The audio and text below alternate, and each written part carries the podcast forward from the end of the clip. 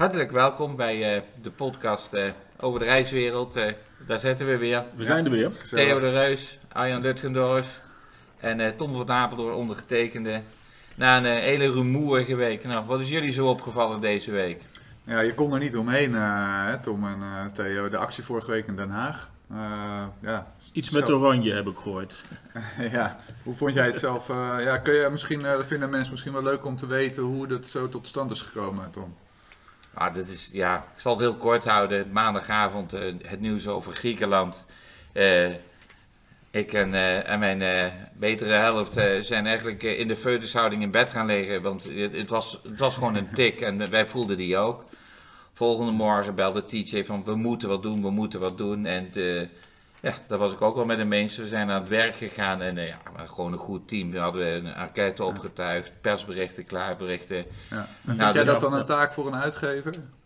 Nou, de, de, wat is een taak voor een uitgever? Het is een interessante vraag, maar waar het vooral om gaat, is dat er iets gaat gebeuren een keer. Mm En, en taak voor een uitgever. Ik denk dat wij de enige partij zijn die geen nevenbelangen heeft. Kijk, dus een ZRA of een airline of een grote touroperator of een verre die hebben allemaal een andere belang, zeg maar. Mhm. En wij zijn de enige die maar één belang hebben. En daar moet je ook eerlijk over zijn, dat het goed gaat met de reiswereld, want dan gaat het ook goed met ons. Dus ja, dan is het... Uh, is niet raar. Ik heb het wel van tevoren gecheckt bij deze en gene of daar zwaarwegende problemen waren. Dat viel hartstikke mee. wat voor reacties kreeg je? Was het louter positief? Of, uh... Ja, er waren ook mensen die zeiden: we moeten dat niet doen, we worden al geholpen. Maar ik, ik denk dat wij de, in onze communicatie wel duidelijk hebben gemaakt dat de overheid uh, ons al sowieso heel erg goed geholpen heeft. Hm. Nou ja, toen van de een komt het ander.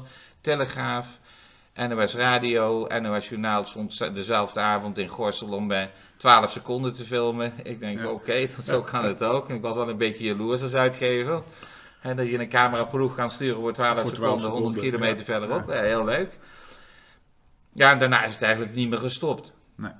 En uh, met als resultaat dat wij uh, naar schatting zo'n 250 tot 300 reisagenten door het centrum hadden lopen. Dat wij op het ministerie bij de verantwoordelijke ambtenaren uh, de petitie hebben kunnen overhandigen. Dat we heel veel media coverage hebben gehad. En dat het belang van de klant en ons belang vaak ook gewoon parallel gaat. En nou, dat was fijn. Val je nu in een zwart gat?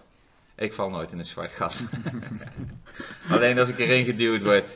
Word je al herkend bij de Albert Heijn? Nee, bij de bakker wel. Oké. Ze zeggen, ik zag u vanmorgen op tv, de loop van Hart van Nederland. Maar het valt wel tegen, want uh, ik had eigenlijk wel meer verwacht. Nee, dat grapje, dat maakt helemaal niet uit. Het gaat, het gaat om de boodschap. En eindelijk is er weer eens een keer wat positiefs over de reisbranche gezegd. Ja, en het, het, het leuke vond ik, ik kwam heel veel ZRA's reisagenten tegen in die straten van Den Haag die hadden het gevoel dat ze ook een keer in beeld kwamen, dat ze ook een keer wat mochten zeggen. Natuurlijk worden de belangen goed uh, behartigd door Frank Overstroom, door de grote touroperators, maar de agenten zelf in beeld, die vonden het heel prettig om een keer zelf aan, ja, aan het woord te komen. Ja, dat was er ook tijd. Die mensen hebben ook al zes maanden lang tik op tik geïncasseerd. Ja, Dus ja, je wil, ik, wat ik van tevoren over die actie gezegd heb, je ziet het als, ik heb pijn in de knie, je wrijft erover. Het gaat niet over die knie, maar het helpt wel. Het helpt wel, ja. En wat het vervolg zal zijn, nou, ik denk dat we in ieder geval een stukje uh, meer begrip en awareness hebben gecreëerd onder het publiek en in de politiek. En wellicht leidt dit wel op termijn tot een, een, een, een, eh, een andere insteek. Dus ja, en al met al, nu op naar het volgende onderwerp. Even voortbordurend op uh, onze actie. Um, zijn natuurlijk alle, alle, alle sectoren binnen de reisbranche die, die vragen om uh, aandacht. Ik zag net vanochtend nog op een Amerikaanse website dat ook daar de, de cruise de rederijen ook echt wel in opstand beginnen te komen. Die, die, die, willen meer gaan varen. Want ze zeggen van ja, we zitten, we zitten nu zes maanden met corona. En ja, we weten inmiddels hoe we ermee om moeten gaan.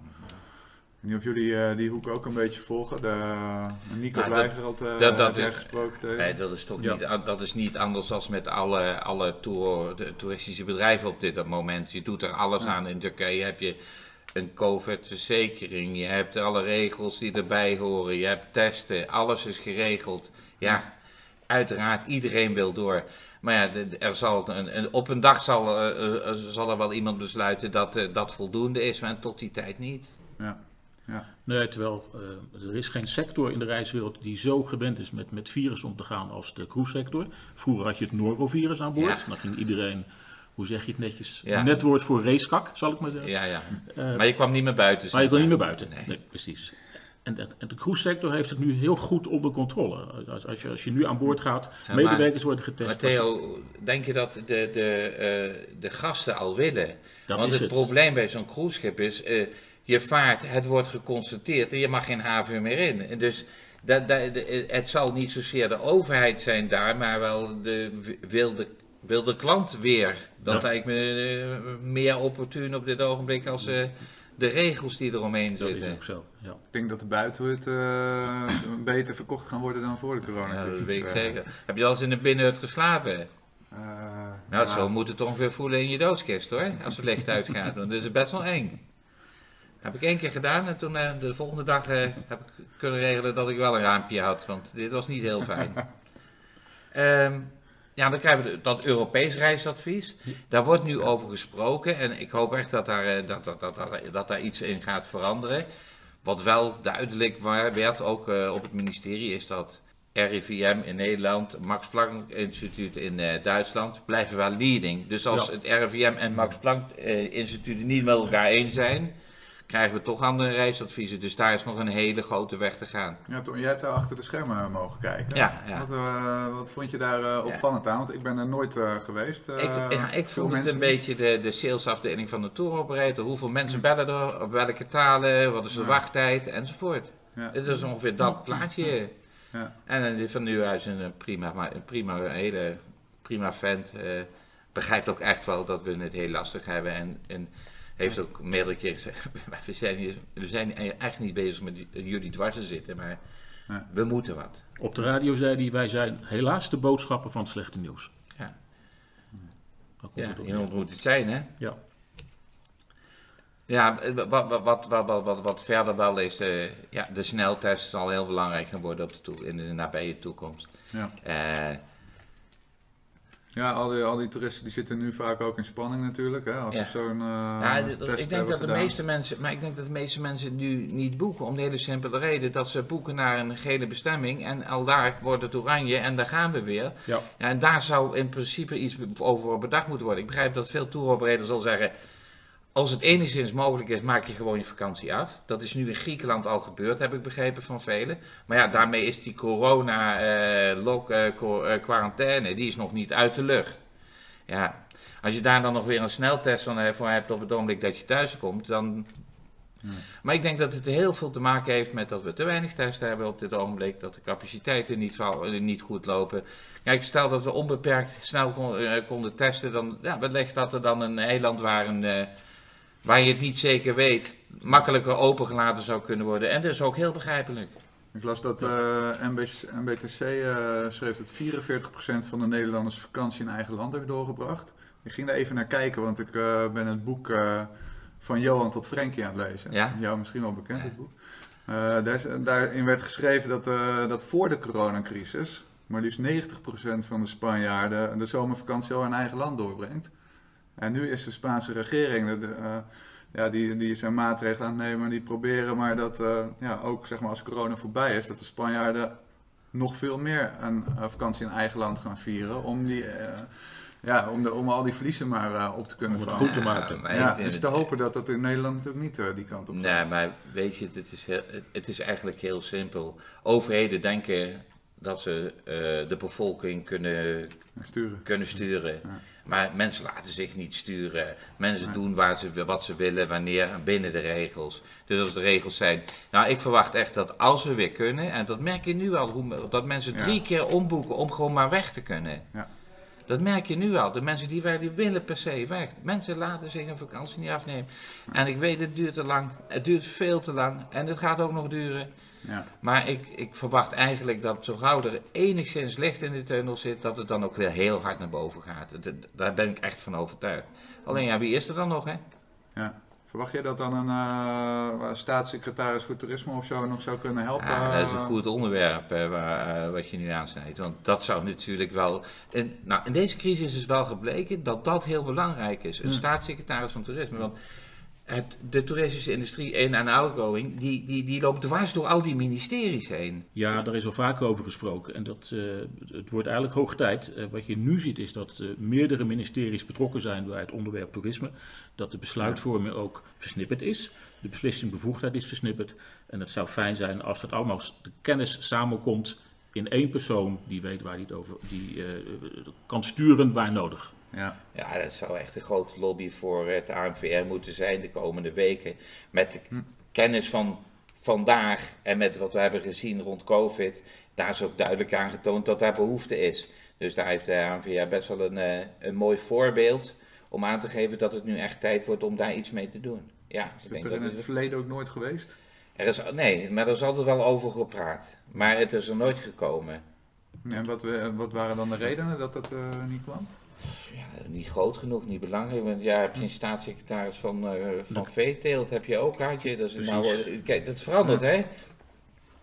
Het ene kabinet heeft er acht staats, of eh, twaalf staatssecretarissen, het andere kabinet heeft er weer veertien. Ja. Ik bedoel, het is net hoe je het indeelt, maar ja, het blijft een, eh, een holy grail voor, voor de ANVR nu op dit moment, om daar op te blijven slaan op die trommel. Laat er alsjeblieft iemand komen die dwars door alle uh, kwaliteit, door alle specifieke kennis heen bezig is met toerisme. En dat mag ook incoming zijn, hè? Ja. Ik bedoel, het is niet zo, er moet alleen voor, uh, incoming, outgoing, ja, er moet oog worden komen voor toerisme, want dat is wel een grote branche. Ja, we moeten het nog even over uh, D-reizen hebben.